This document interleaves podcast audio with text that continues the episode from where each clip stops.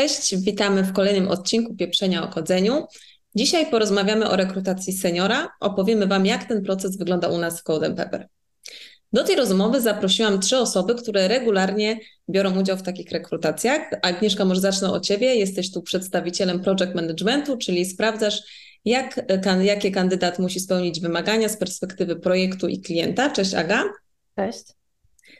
Ola, nasza rekruterka, czyli pierwszy front, pierwsza styczność z kandydatem, ale też osoba, która czuwa nad całym procesem rekrutacji u nas w firmie. Hej Ola. Cześć. Piotr, nasz przedstawiciel e, senior developerów, developerów u nas w Code Pepper. Witam Cię serdecznie. Cześć, witaj Miumi.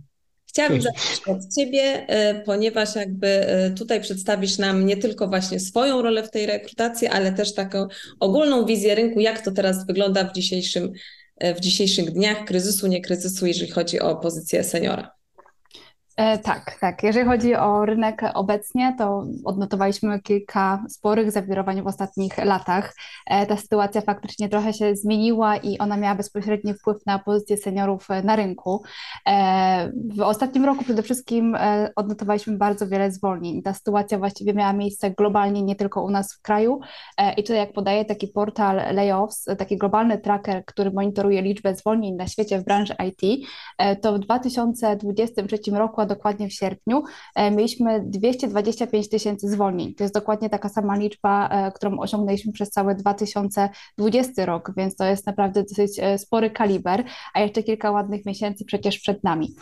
Niestety nie udało mi się dotrzeć do informacji, jak ta sytuacja dokładnie wygląda w Polsce, ile tych zwolnień było, ale dobrze wiemy, że też część firm przeprowadziła restrukturyzację i że te zwolnienia zarówno w software house'ach, jak i w firmach produktowych były. E, dotarłam natomiast do raportu Just Join IT, czyli takiego czołowego polskiego e, jobboardu, e, z którego jednoznacznie wynika, że liczba ofert pracy w Polsce raczej nie spadła. Tutaj ten rynek pracy w Polsce odnotował tylko dwuprocentowy spadek ofert i propozycji zawodowych ze strony firm IT. Dlatego też sytuacja programistów w Polsce teoretycznie e, się nie zmieniła. Jednak tutaj zmieniły się wymagania pracodawców względem seniority e, i tutaj na pewno e, poprawiła się sytuacja seniorów. Oni w bieżącym roku odnotowali większe zainteresowanie ze strony firm IT, aż o 9%, w sytuacji, kiedy juniorzy ten spadek zainteresowania odnotowali na poziomie 30%, a regular deweloperzy mieli z kolei o 5% ofert mniej. E, zmieniły się też wymagania pracodawców co do kandydatów. E, myślę, że w chwili obecnej wiele firm już poszukuje takich naprawdę top talentów, które będą jak najlepiej dopasowane do naszej organizacji, czyli takich osób, które wejdą do projektu, będą gotowe do działania i w miarę szybko też przystosują się do potrzeb danej organizacji. Dlatego też e, zwiększyły się nieco wymagania rekrutacyjne ze strony firm. Zarówno w Code Pepper, jak i na samym rynku widzimy, że tych kandydatów jest jednak więcej również w grupie seniorów. Tutaj całkiem niedawno rekrutowaliśmy Node.js deweloperów i Angular deweloperów i zostaliśmy tak naprawdę e, zalani CV-kami.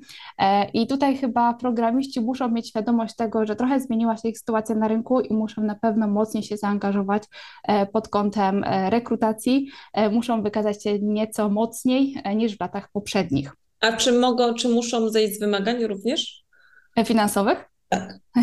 Wiesz co, wydaje mi się, że bańka finansowa jeszcze nie pękła, ewentualnie trochę może przystopowały te widełki, one już tak mocno nie szybują w górę, mhm. ale raczej utrzymaliśmy poziom wynagrodzenia e, z ubiegłego roku. To dobra wiadomość. Tak, myślę, że tak. Dokładnie tak.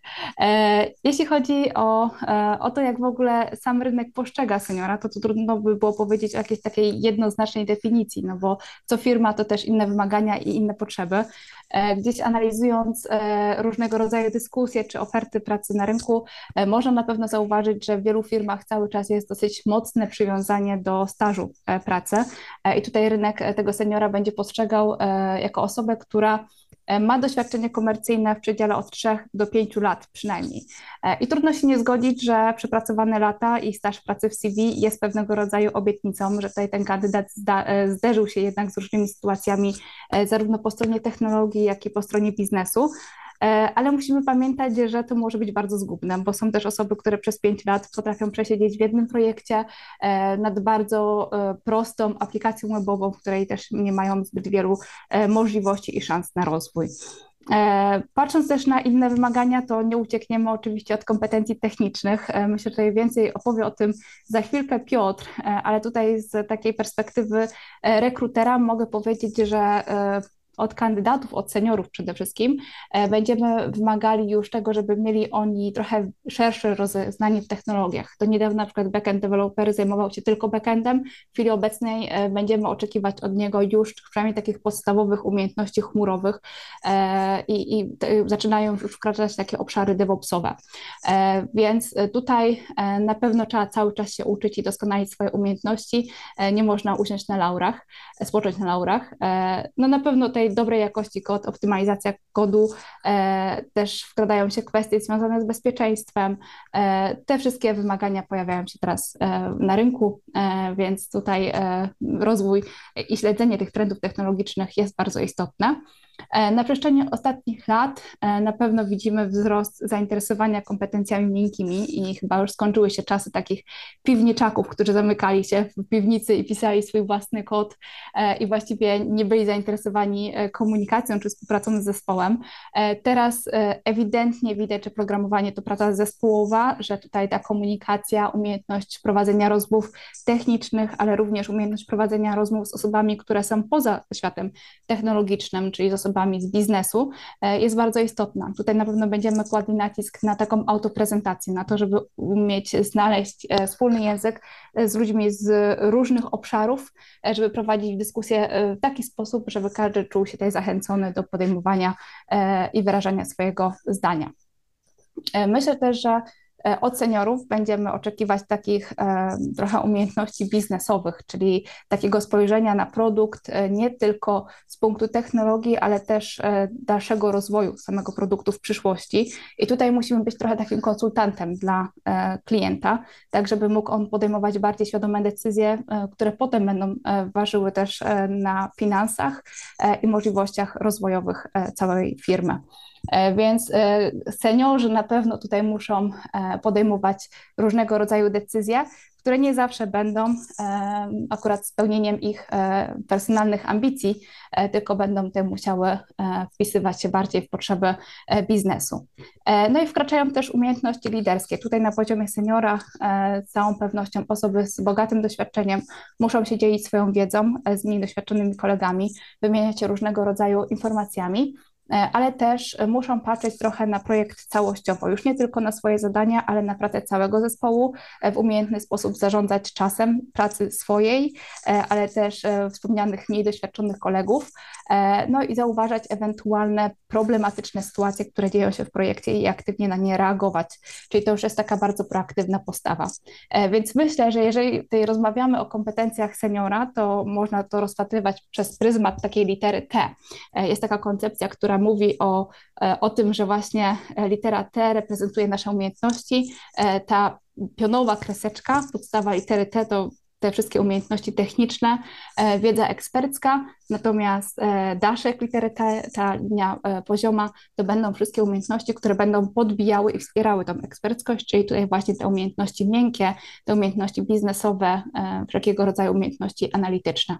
Okej, okay, a na przykład, że jeszcze Cię przerwę i złapiesz oddech przy okazji, e, w kwestii takiej powiedzmy e, teorii, czy Ty jakby przy tym pierwszym screeningu e, albo masz jakieś dane statystyki, czy kursy, jakieś certyfikaty, wykształcenie w ogóle ma znaczenie, czy to jest tylko i wyłącznie oparte na doświadczeniu taka ocena seniora? Ciężko odpowiedzieć na to pytanie. Jakby co firma, to inna szkoła. E, ja myślę, że wykształcenie warto mieć, bo szczególnie tutaj klienci zagraniczni e, często patrzą na to, czy, czy kandydat ma to wykształcenie wyższe, czy nie. E, dużo się mówi o jakości różnego rodzaju bootcampów i, i o tym, że niekoniecznie ci kandydaci są przystosowani do, do, do pracy jako programiści, ale z doświadczenia wiem, że tutaj, jeżeli chodzi o pracę programisty, to jest bardzo ważne samo zaparcie, e, indywidualne predyspozycje do tego, żeby się rozwijać i, i nawet jeżeli ukończysz uczelnię i nic więcej potem nie będziesz robić ze swoim rozwojem zawodowym, to, to e, niewiele Ci pomoże. Okej, okay, dzięki. Okej, e, i tak, ogólnie, e, tak jak wspominałaś, e, ja jestem na tej pierwszej linii frontu, czyli odpowiadam za tak zwany screening po wstępnej selekcji kandydatów nadesłanych CV. Spotykam się z osobami, które najlepiej wpisują się w profil poszukiwanego przez nas kandydata. I tak naprawdę ten screening to jest taki bardzo wstępny etap rekrutacji, taki etap, w którym e, nie tylko ja oceniam kandydata, ale kandydat ocenia również nas jako firmę, e, bo tutaj wymieniamy się nawzajem tymi informacjami. E, Ja przekazuję oczywiście informacje na temat tego, jak my jako firma funkcjonujemy, jaka jest nasza kultura pracy i weryfikuję to z kandydatem, czy to jest właśnie miejsce, którego on aktualnie szuka. W ramach takiego screeningu rekruterzy zazwyczaj zadają takie bardzo podstawowe pytania dotyczące doświadczenia. Staramy się sprawdzić, w jakim wymiarze e, kandydat pracował z wymaganymi technologiami, e, z jakimi e, też wyzwaniami się mierzył w swoich e, ostatnich projektach zawodowych. E, Zbieramy też takie informacje bazowe związane z e, dostępnością, e, również z wymaganiami finansowymi, no i sprawdzamy też te umiejętności miękkie, związane przede wszystkim z komunikacją i autoprezentacją. W przypadku Code Pepper na przykład to jest bardzo istotne, bo tak naprawdę nie szukamy ludzi tylko do jednego projektu, tylko szukamy ludzi, którzy zostaną z nami na lata, będą współpracować z nami długofalowo, więc istnieje duże prawdopodobieństwo, że na przykład po roku dany programista będzie przechodził taką wewnętrzną rekrutację i musimy sobie zadać pytanie, czy ta osoba ma też szansę e, na pracę w innych projektach. E, No i też e, to jest taki e, moment, e, ten screening dla kandydata, żeby zadać e, wszelkiego rodzaju pytania e, związane e, z dalszą rekrutacją, czy też e, organizacją pracy w danej firmie, E, więc e, to jest taki dwustronny etap rekrutacji, tak można to powiedzieć. E, Niezależnie od tego, czy to będzie screening, e, czy też dalsze etapy rekrutacji, mm, bardzo jest ważne zachowanie takiej struktury, takiego porządku, e, który pozwoli temu kandydatowi się nieco lepiej odnaleźć w całej tej sytuacji. Jest to jednak taki proces oceny, więc we wszystkich to wywołuje stres. Dlatego po prostu bądźmy ludźmi w ramach rekrutacji i starajmy się też rozluźnić tych naszych kandydatów taką krótką pogawędką. Na początku każdego spotkania warto się jest przedstawić, opowiedzieć trochę o swojej roli w firmie, e, no i też zapytać kandydata e, o jego potrzeby, e, o to w ogóle jak mija mu dzień, tak żeby on poczuł się swobodnie i żeby poczuł się zaopiekowany. Mm, Na pewno trzeba przedstawić tej kandydatowi, jak będzie przebiegał mm, ten proces rekrutacji, dane spotkanie, kiedy też będzie on mógł zadać pytania, które go interesują. E, Kiedy przechodzimy już do weryfikacji umiejętności kandydata, nie zaczynajmy też e, z pytaniami z grubego kalibru, tylko na początku dajmy takie pytania bardziej ogólne, tak żeby ten kandydat mógł swobodnie sobie wejść w ten proces i żeby mógł się po prostu otworzyć. Bo jeżeli zadamy pytanie zbyt trudne na samym starcie, to jest to gwarantowane, że kandydat się po prostu zacznie spinać e, i niekoniecznie tutaj będzie się czuł swobodnie na tej rozmowie i nie będzie, nie będzie miał po prostu szansy na to, żeby zaprezentować się z odpowiedniej strony. E, Więc chyba tak, myślę, że, że to jest najważniejsze. Oczywiście e, niezależnie od tego, mm, czy my jesteśmy tą osobą pierwszego kontaktu, czyli rekruterem dla kandydata, czy osobą techniczną, warto tutaj przedstawić kandydatowi, kiedy mniej więcej może spodziewać się kolejnych informacji, e, no i też kto będzie się z nim dalej kontaktował, żeby nie pozostał bez żadnej informacji. E, tak. Jeżeli chodzi o, o to, jak w ogóle oceniać kandydatów, to zanim tutaj dam kilka takich wskazówek, e, jak to robić, e, to chciałabym tylko zaznaczyć, że e, my musimy przede wszystkim zadbać o swój komfort. Jakby nie możemy brać na siebie zbyt dużo rozmów w ciągu jednego dnia e, i też musimy tutaj szanować swój czas pracy, gdzieś te spotkania projektowe. E, Chodzi przede wszystkim o to, że nasz nastrój może bardzo mocno wpływać na to, jak będziemy oceniać pojedynczych kandydatów. E, I tutaj przed wejściem w rekrutację warto, żeby na przykład osoby techniczne, takie jak Piotr, czy też Agnieszka jako nasz hiring manager, PM, który potem też finalnie będzie podejmował decyzję, mógł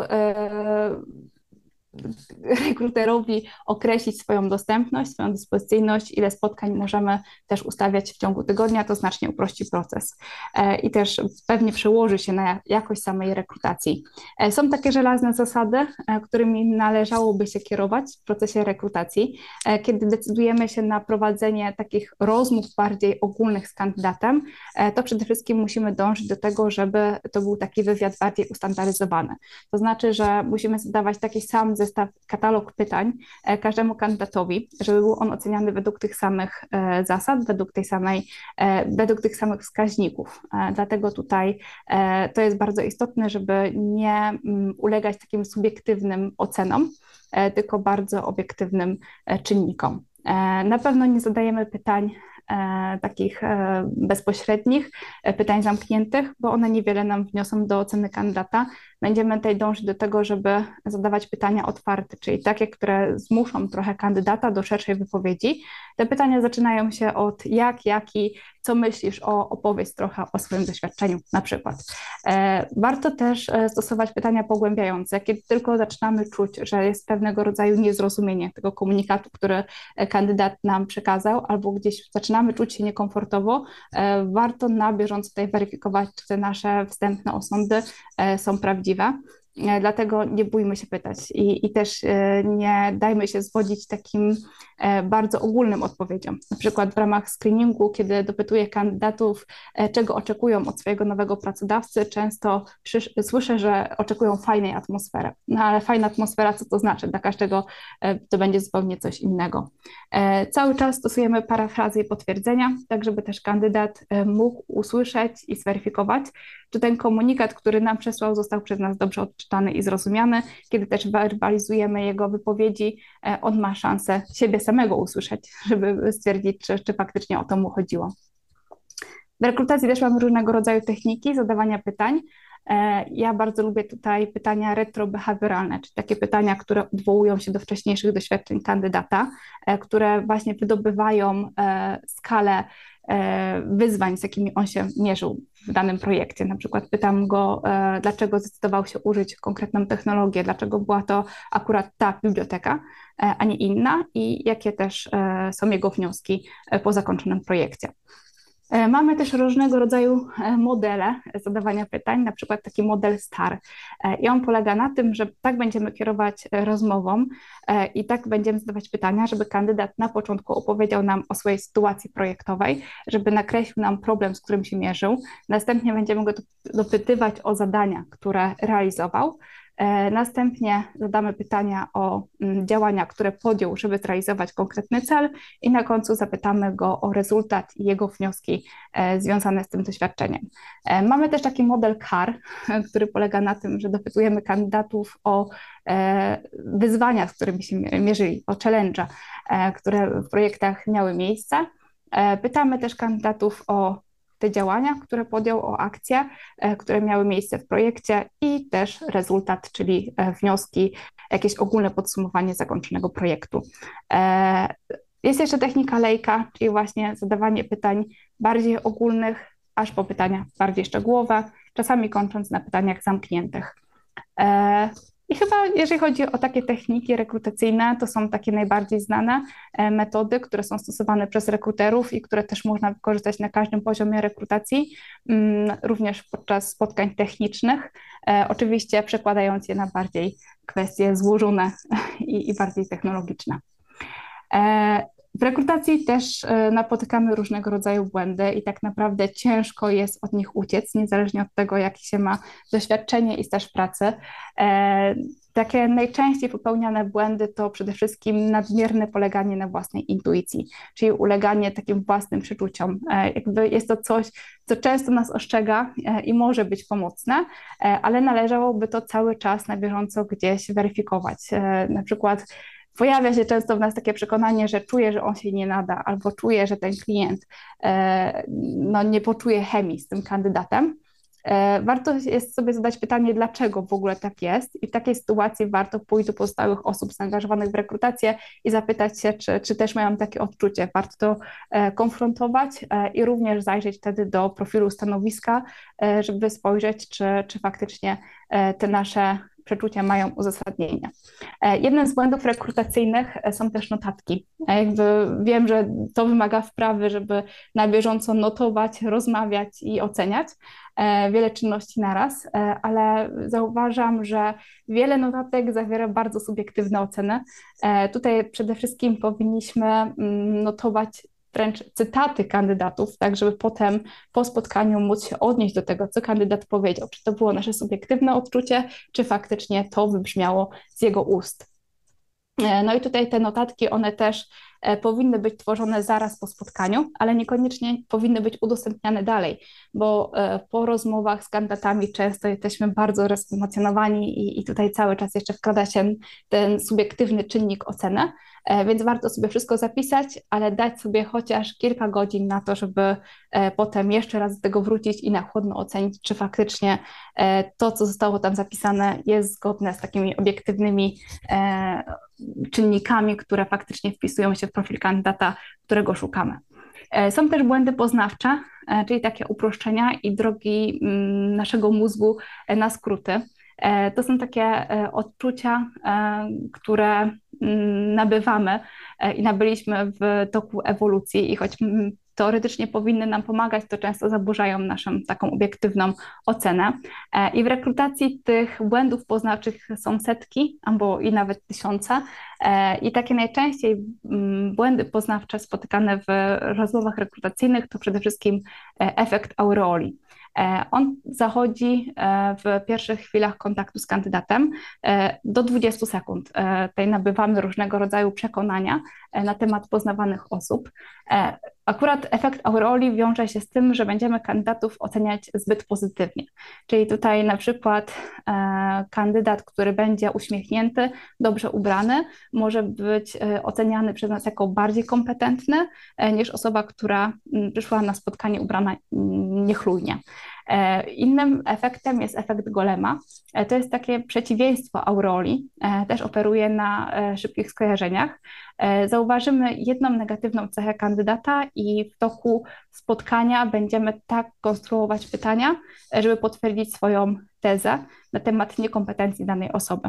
I na przykład, jeżeli zauważymy w CV wiele literówek, możemy nabyć przekonania, że ten kandydat jest niedokładny i, i tutaj może popełniać wiele błędów, co niekoniecznie musi być zgodne z rzeczywistością. E, Jest też efekt kontrastu. E, Efekt kontrastu będzie polegał na tym, że będziemy porównywać e, kandydatów pomiędzy sobą, a nie będziemy porównywać kandydata z wymaganiami, które postawiliśmy w ogłoszeniu rekrutacyjnym i w profilu stanowiska.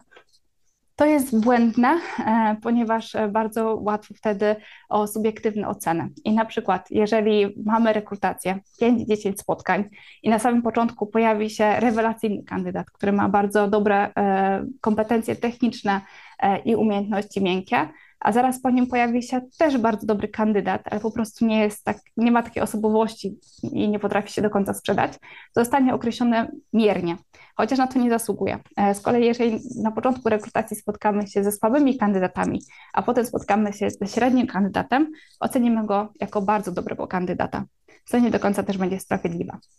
E, Jest też efekt podobieństwa, e, kiedy faworyzujemy ludzi przez to, że są podobni do nas lub do osób, które znamy. E, I e, tutaj też będziemy mieć skłonność do tego, żeby e, lepiej oceniać tych kandydatów. E, Jest też efekt piękna, e, niezależnie od tego, e, jak bardzo byśmy wypierali się z tego, że, że nie zwracamy uwagi na wygląd zewnętrzny, to jednak jesteśmy ludźmi i, i to pierwsze wrażenie jest dla nas bardzo istotne. I niestety, albo stety, ludzie, którzy są ładni, zazwyczaj są oceniani bardziej pozytywnie niż osoby, które nie są atrakcyjne fizycznie. E, Ale na pociechę mogę dodać, e, że osoby, które są atrakcyjne i ubiorą się zbyt ładnie, na przykład na spotkanie, mogą wywoływać w nas negatywne emocje, bo to już będzie nieadekwatne do sytuacji. No i to już chyba jest przegięcie takie ludzkie po prostu. To już będzie podejrzanie za ładnie, ale jeszcze mam taki komentarz, mi się nasuwa, jak mówisz o tych e, błędach. No aż się kusi zapytać, czy jakiś komputer nie powinien nas wyręczyć w tej rekrutacji, bo będzie pozbawiony ludzkich uczuć. A ile razy zdarza się nam w procesie rekrutacji tak zwane na czuja, bo ja myślę, bo znam klienta, bo wiem, jakie ma preferencje, bo podobnie czuję, że ten. że ktoś może pasować na przykład, nie? E, Co oczywiście może być błędem, e, więc e, ja pamiętam z ostatniej rekrutacji, tylko tak wtrącę, że skupiałam się na przekazywaniu jak najwięcej faktów do klienta i broń Boże ani jednego zdania albo jakiejś, jakiegoś tam wyrazu o mojej osobistej opinii, by nie wpłynąć na klienta, niech on sobie sam oceni i wyciągnie wnioski, ale tutaj taki jakiś awatar, to aż się prosi na pierwszy ekran. No wiesz, e, sztuczna inteligencja wkracza coraz mocniej w, w obszar rekrutacji, więc e, Mhm. pada strach na mnie, że to będzie swoją przyszłością. Zobaczymy. E, odcinek o AI właśnie e, w, w tworzeniu software'u, to jednak doszliśmy do konkluzji, że ten czynnik ludzki jednak nie może zostać wyparty i jednak to się nie zadzieje, więc Ola możesz czuć się bezpieczna. Tak, ja, ja myślę, że też. tak. No to się cieszę. Tak. E, Jest jeszcze, e, mam w sumie jeszcze dwa takie błędy poznawcze, pozwolę sobie dokończyć ten temat, e, bo wydają mi się one dosyć ważne. Często jest tak, że w toku rekrutacji mamy kandydatów, którzy zasypują nas wieloma informacjami i, i ciężko jest przesiać te najbardziej wartościowe i kiedy spada na nas strumień tych wszystkich informacji, tracimy też możliwość takiego racjonalnego osądu i podejmujemy wtedy decyzje według czynników, które tak naprawdę e, niekoniecznie świadczą o tym, że to będzie najlepszy wybór z punktu widzenia e, projektu. E, I też jest efekt ślepej plamki, który polega na tym, że ignorujemy e, lub bagatelizujemy pewne zachowania kandydata, bo na przykład przyszedł do nas z bardzo renomowanej firmy i tutaj to już jest taką gwarancją trochę, że on ma przecież fajne doświadczenie, bo, bo pracował w takiej, a nie innej organizacji. To może być bardzo mylące, więc nie warto tutaj też temu ulegać. I e, niestety na błędy poznawcze nie ma lekarstwa. E, to jest najgorsze, więc może właśnie ta sztuczna inteligencja by się tutaj przydała. E, możemy e, tylko je neutralizować, więc e, taka samoświadomość, e, właśnie zadawanie sobie pytań, samokontrola w kontakcie z drugim człowiekiem, to jest jedyny sposób na to, żeby tych błędów poznawczych nie popełniać. E, No i kluczem też będą właśnie te notatki, o których wspominałam, e, i, i wywiad e, ustrukturyzowany, który będzie pozwalał nam oceniać kandydatów według konkretnych kryteriów, a niekoniecznie naszych uczuć. Więc tak, tak, tak wyglądają błędy rekrutacyjne. Warto ich nie popełniać. Niesamowicie trudna jest ta praca po tym wszystkim, co powiedziałaś, ale ogromnie ważna. E, Czy to już jest wszystko, co chciałaś nam powiedzieć? Tak, tak. rekrutacji? Dobra, więc e, niesamowicie trudna, ale też niesamowicie ważna, bo, bo to Ola decyduje jakby, kto z tego jej pierwszego screeningu przechodzi dalej, a jak przechodzi dalej, to jest to kolejny krok i często jest to zadanie techniczne i tutaj kierujemy się do naszych e, seniorów, a ja dzisiaj do, do Piotra, żebyś nam poopowiadał, jakie ty masz wymagania czy standardy, jeżeli oceniasz takie zadania, a później w rozmowie technicznej z kandydatem. Jasne, dzięki. Em, Ogólnie Ola tutaj poruszyła temat bardzo szeroko i, i również głęboko też w kwestiach właśnie technicznych, więc ja się w zasadzie z tym wszystkim zgadzam, co zostało powiedziane. E, Zwłaszcza o tych kwestiach e, właśnie związanych z szerszym oglądem na, na sprawy, tak? Bo od seniora już właśnie wymagamy, żeby e, nie znał tylko rozwiązania, tylko wiedział, że na przykład są też inne rozwiązania, wiedział, jakie są trade-offy i tak dalej, więc Więc to jak najbardziej z perspektywy e, wywiadu technicznego, no to to jest e, 100% zgody. Em, Ja może od, o, e, krótko jeszcze dopowiem właśnie, jak ten proces wygląda z mojej perspektywy. Właśnie no, tak naprawdę są dwa takie etapy, zadanie i rozmowa, ta techniczna, tak? E, No, no zadanie to jest oczywiście asynchroniczny proces, kandydat dostaje jakieś tam e, zadanko, musi e, napisać kod, no i, jakoś tam go wysłać, tak? Em, No tutaj e, pojawia się pytanie, ile jest na to czasu. E, Ogólnie nie, nie dajemy mm, jakiejś takiej konkretnej e, wartości, tak? Tylko no, fajnie by było, żeby na przykład kandydat się określił i później gdzieś dotrzymał tego słowa, tak? No bo jeżeli na przykład to się przeciąga, no to możemy mieć jakieś takie wątpliwości, czy, czy na przykład kandydatowi zależy bardzo na tym, e, na tej pracy, czy nie, no bo e, może ma jakieś inne procesy otwarte jeszcze, tak? E, Najpewniej ma, więc tutaj ten czas nie jest jakoś ściśle bardzo określony, natomiast fajnie, jak gdzieś tam trzymujemy słowa i szanujemy siebie nawzajem, tak? No to jest jakby pierwsza, pierwsza najważniejsza rzecz. No i tak, jeżeli już dostaniemy to zadanko, no to jest kilka, kilka takich rzeczy, na które zwracamy uwagę, tak? No, przede wszystkim no to fajnie jakby te wymagania, które zostały określone, zostały spełnione, tak? To nigdy nie są jakieś złożone e, problemy do rozwiązania, no zazwyczaj to jest jakieś po prostu e, proste API do napisania, e, które tam ma realizować jakąś prostą logikę, tak?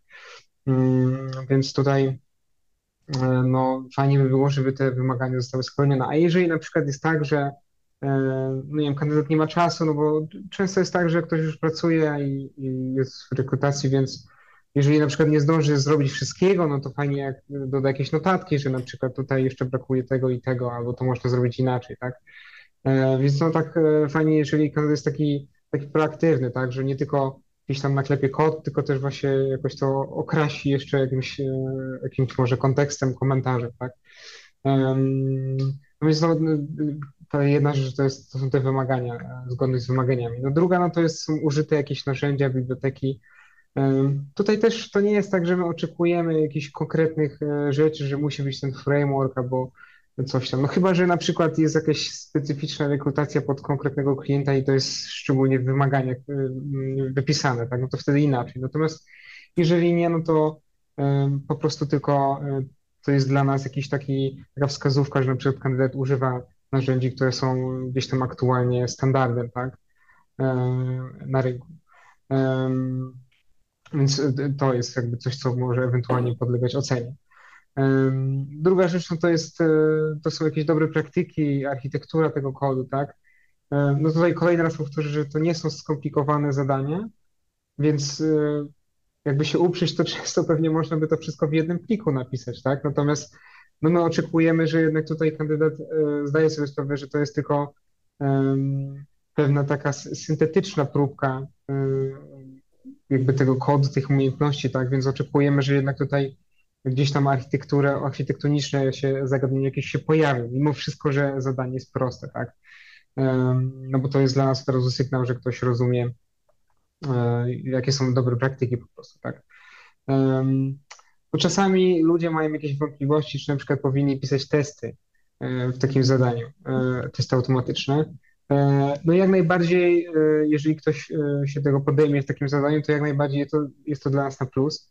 E, Oczywiście nie oczekujemy 100% pokrycia, e, natomiast my oczekujemy, żeby ktoś pokazał po prostu swoje podejście, tak? E, Że on rozumie, że na przykład są różne poziomy e, testowania, e, jak, jak do tego podchodzić, w ogóle jak strukturyzować te testy, tak? Więc tutaj no właśnie nie chodzi właśnie o bulletproof rozwiązanie, e, tylko chodzi o to, żeby pokazać właśnie swój sposób myślenia i, i jakieś praktyki, które e, które się stosuje. No i właśnie tu już wspomniałem o tych komentarzach i właśnie może jeszcze powtórzę, żeby to podkreślić, że e, często jest tak, że właśnie no, na zadanie nie ma dużo czasu, niektórych rzeczy no, nie da się po prostu e, zrobić w dwie godziny, tak, jeżeli ktoś poświęci na to zadanie tyle. No, tyle mniej więcej się poświęca na takie zadania. E, Więc e, tutaj, e, jeżeli ktoś na przykład doda jakiś komentarz, nie, że tutaj na przykład to jest zrobione w taki prosty sposób, ale można to zrobić jeszcze tak albo inaczej i zależy to od tego i tego. Więc to, to jak najbardziej dla nas są bardzo pomocne wskazówki, że taki senior po prostu rozumie kontekst, tak, że on zdaje sobie sprawę, że to rozwiązanie e, działa, tak, jest poprawne, natomiast e, w innym kontekście ono może na przykład nie być najlepsze, tak. No więc tutaj, e, tutaj to jest jak najbardziej na plus. E, No i tak, jeżeli, jeżeli zadanie jest w porządku i te właśnie wszystkie kwestie, które wspomniałem, no nie budzą jakichś zastrzeżeń, no to wtedy e, przechodzimy do następnego etapu. No i potem jest właśnie ta rozmowa, e, gdzie właśnie zaczynamy od kwestii technicznych. No i to różnie jest. Czasami ten sam, ta sama osoba jakby oceniała zadanie i, i prowadzi rozmowę, ale nie zawsze tak jest, więc jakby też tutaj ważne są właśnie te, te notatki, które gdzieś tam e, wymieniamy się nimi, żeby ten, te, ta rekrutacja gdzieś tam e, tak płynnie e, przechodziła w, w organizacji, tak? No i teraz tak, tak naprawdę już mając to zadanie, no to mamy jakiś ogląd na kandydata, tak? Jakie on stosuje praktyki i, i, i tak dalej. No i ogólnie ta, ta rozmowa to jest takie pogłębienie tego wszystkiego troszkę, tak? Więc e, e, tutaj ja, ja osobiście w sumie e, jakby takie dwa, dwa etapy zazwyczaj wprowadzam do tej rozmowy. Po pierwsze, to jest rozmowa o, o doświadczeniach kandydata, żeby on opowiedział aktywnie właśnie o tym, jakie miał projekty, jakich technologii używał, jakie wyzwania, problemy, jak je rozwiązywał. Więc po prostu to też jest też taki element autoprezentacji. E, Tutaj ten, ten, e, to się już oczywiście pojawiło na tym screeningu, tak? Natomiast e, no mnie to też interesuje właśnie z perspektywy osoby technicznej, tak? No bo e, oczekujemy od seniora, że on będzie w stanie o technicznych kwestiach klarownie rozmawiać, tak? Również z osobami technicznymi, no więc to jest dla nas istotne, żeby właśnie no nie tylko odpytać, tak, z tabelki jakieś, jakieś zagadnienia, tylko właśnie jakby, żeby ta y, rozmowa była taka głęboka, tak, żeby on właśnie pokazał, że potrafi gdzieś tam mm, o, o tym rozmawiać, tak? E, No i właśnie ten drugi etap, no to jest, czy też czasami wracamy do tego zadania. Ym, No i ob- oba te elementy dla mnie służą temu, żeby właśnie mm, jakby pogłębić właśnie te, te, te kwestie, które już na etapie zadania wychodzą, tak? Czyli właśnie na przykład o, nie wiem, architekturze, tak? Y, Gdzieś tam możemy poruszyć, że tutaj w tym zadaniu no to była użyta taka architektura, jak, jakie może jeszcze kandydat zna inne podejścia i jakie się z tym wiążą koszty i, i tak dalej. E, Tak samo jeśli rozmawiamy o doświadczeniach, no to już wtedy może wyjść właśnie e, na przykład jakich on e, gdzieś tam patternów używał i e, jakie były na przykład z tym problemy i jak to można zrobić inaczej e, i tak dalej. No i tak samo o każdym elemencie tak naprawdę i można też to samo właśnie krążyć też właśnie a testów na przykład, tak? Gdzieś tam właśnie e, już na podstawie tego zadania, ale też na podstawie doświadczeń i, i narzędzi i, i bibliotek, jakich używał. Więc wszystkie te elementy, które gdzieś tam były ocenione na zadaniu, e, no to właśnie też możemy je pogłębiać na tej rozmowie, korzystając z tych jakby, z tych jakby dwóch filarów naszej wiedzy, tak, o kandydacie, czyli zadania i, i tych doświadczeń. No więc tak, no, no tak jak już tutaj wspomnieliśmy, ale jeszcze raz to powtórzę, bo to jest super dla mnie osobiście istotne i myślę, że w ogóle e, w tym procesie, żeby właśnie senior nie tylko potrafił rozwiązać jakiś problem, czy nie tylko potrafił e, dostarczyć, dowieść, ale też, e, żeby on po prostu rozumiał, jakie są różne ścieżki, tak, do tego rozwiązania. No bo nie w każdym kontekście e, poprawne rozwiązanie jest najlepsze, tak, bo czasami, nie wiem, projekt jest na przykład na jakimś, jakimś początkowym etapie rozwoju, tak? I trzeba szybko dowozić, bo walidujemy gdzieś tam na przykład jakiś biznesowy model, tak? A później na przykład y, organizacja jest na jakimś etapie bardziej stabilizacji, bo chce się skalować, no więc wtedy i, inaczej musimy podchodzić do tych problemów i do rozwiązań. Więc no właśnie tutaj y, to wszystko, y, co, co, co ja się chcę dowiedzieć, to jest właśnie e, że kandydat jakby rozumie właśnie ten szeroki kontekst, tak? I umie o tym też mówić, tak? No bo później on musi ten kontekst gdzieś tam przekazać klientowi, uargumentować go, tak? Musi rozmawiać z zespołem. Czasami u klienta są też deweloperzy, osoby techniczne i z nimi też trzeba gdzieś tam się komunikować, no wymieniać właśnie tymi doświadczeniami i, właśnie argumentować właśnie na przykład, dlaczego to rozwiązanie jest, jest dobre w tym kontekście, tak? E, No więc tak, tutaj e, to jest ta kwestia. No i osobiście e, na takiej rozmowie technicznej mnie też interesuje właśnie, jakie ma podejście do mniej doświadczonych członków zespołu, taki senior.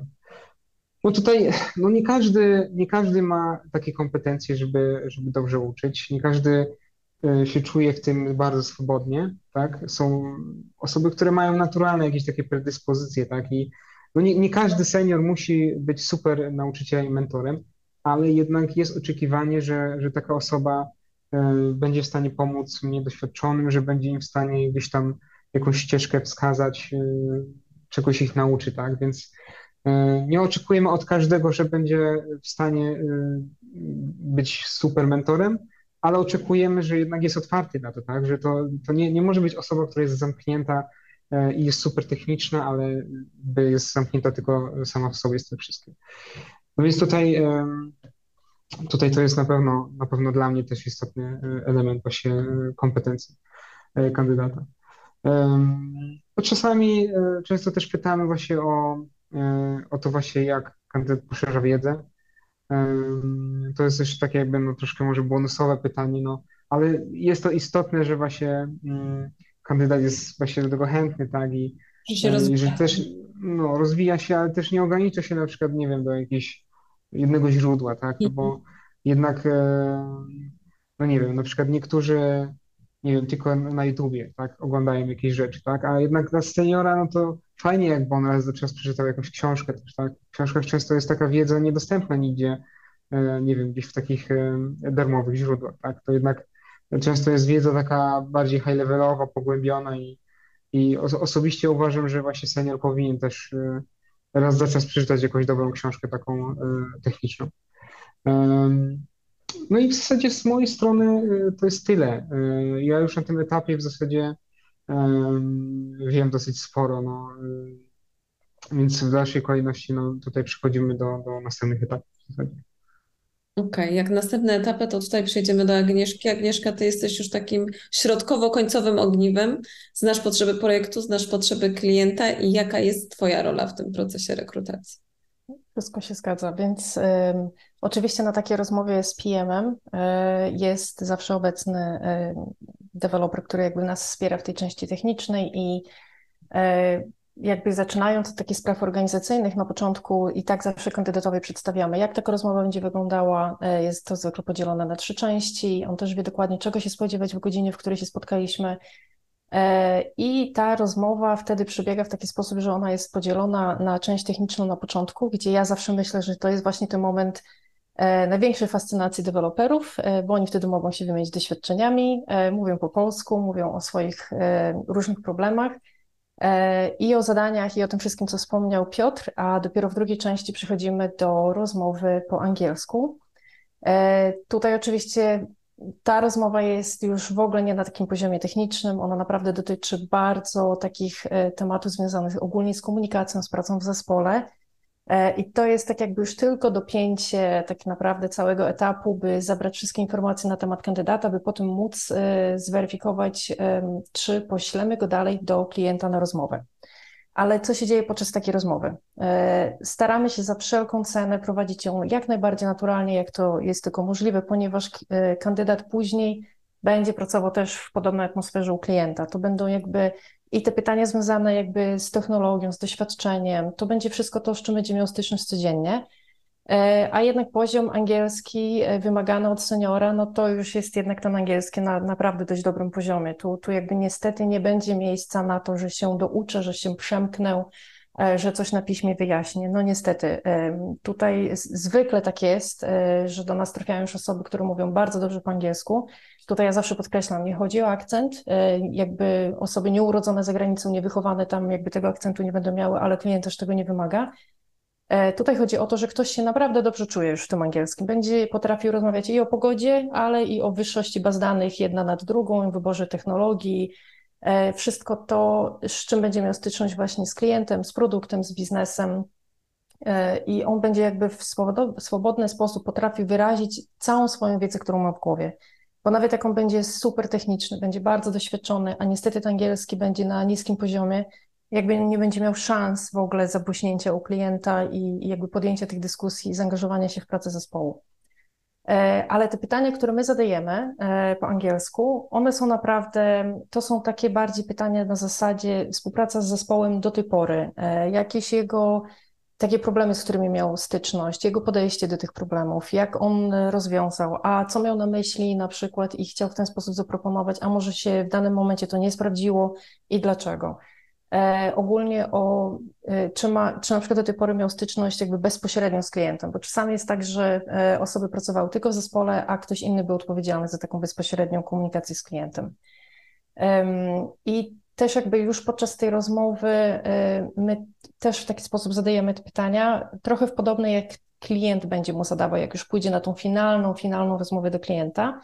E, Tam klient też oczywiście zależy od, od klienta, zależy od tego, kto jakie ma potrzeby i wymagania w danym e, projekcie, te wymagania jakby techniczne są zawsze z góry znane, klient sam, kandydat sam może sobie jakby sprawdzić, czy, czy jego doświadczenie jest zawarte w tej liście, ale na rozmowie z klientem em, wygląda to różnie. E, Czasami jest to bardzo różna rozmowa i klient naciska na, na to, by jak najbardziej poznać kandydata. Czy ten kandydat się sprawdzi u niego w zespole i czy temu kandydatowi będzie też dobrze w tym zespole. E, Tak zwane dopasowanie charakteru do zespołu, ten culture fit. Na to nie ma konkretnych pytań. E, To, to po prostu tego nie można sprawdzić poprzez pytania.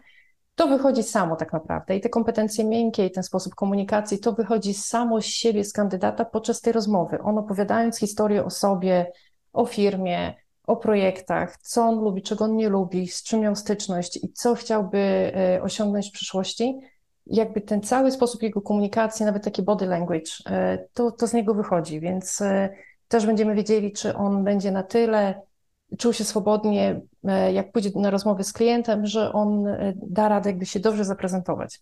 Tutaj trzeba podkreślić, że kandydaci zwykle chodzą na rozmowę do klienta, na tą finalną sami. E, My zwykle staramy się zrobić tylko na początku introduction i zostawić klienta z kandydatem samemu, by oni mieli też taką tą przestrzeń i swobodę, by się poznać, by zadać pytania.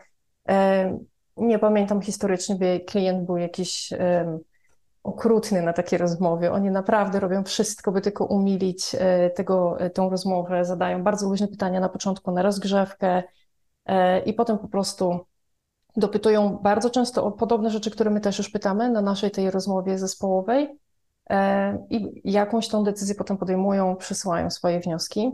Czasami się zdarza, że jest oddzielna rozmowa dotycząca tylko dopasowania do zespołu i jak już ten klient jakby w pierwszej fazie powie tak, to jest kandydat, z którym chcemy iść dalej, to bywa jeszcze taka jedna dogrywka, jak ja mówię, taka typowo już rozmowa techniczna, wtedy wyznaczają innego em, inżyniera z zespołu, by się z nim spotkał i to już jest taka naprawdę rozmowa bardzo ściśle techniczna, ale też nie na zasadzie em, listy pytań w szkole, tylko po prostu co robiłeś, jak robiłeś, a czemu tak, a nie inaczej. Wszystko to, o czym mówił Piotr, tylko to już jakby zadaje e, te pytania klient. Mm, Myślę, że bardzo ważna jest ta wizytówka, o której wspomniałaś, taka autoprezentacja, żeby to sobie przygotować. Ja zawsze o tym mówię przed spotkaniem z klientem po angielsku, bo klient jakby nie zadaje konkretnych pytań, tylko on pierwszego pytanie zazwyczaj jest, że powiedz mi coś o sobie, Tak. wiadomo z tego zawodowego punktu widzenia i właśnie, a nie każdy jest na to przygotowany, żeby taki trochę krótki monolog o sobie, o swojej karierze, o tym właśnie, co najbardziej lubi, jakieś osiągnięcie, to sobie po angielsku przygotować, żeby tak na pierwszy rzut właśnie e, u klienta e, zabłysnąć. A powiedz mi, czy dobierasz też tych kandydatów już znając na przykład projekt i znając potrzebę klienta też osobowościowo, bo wiadomo, że nie w każdym projekcie mogą być sami seniorzy, którzy e, jakby lubią decydować, liderzy, że jakby już znając zespół, wiesz, jakiej tam też osoby pod względem charakteru Mm. brakuje. Mm, Może nie aż tak bardzo. Tutaj niestety muszę się przyznać, że pewnie popełnia ten błąd, o którym Ola wspominała, trochę na przeczucie. Tak jakby bazując na osobach, które są już y, po naszej stronie, bardziej oceniam e, kandydata w takiej rozmowie, czy miał doświadczenie do pracy, z pracy w zespole, czy pracował w skramie, czy jest przyzwyczajony do spotkań. Bardziej może od takiej strony, niż tylko moje preferencje e, charakterologiczne.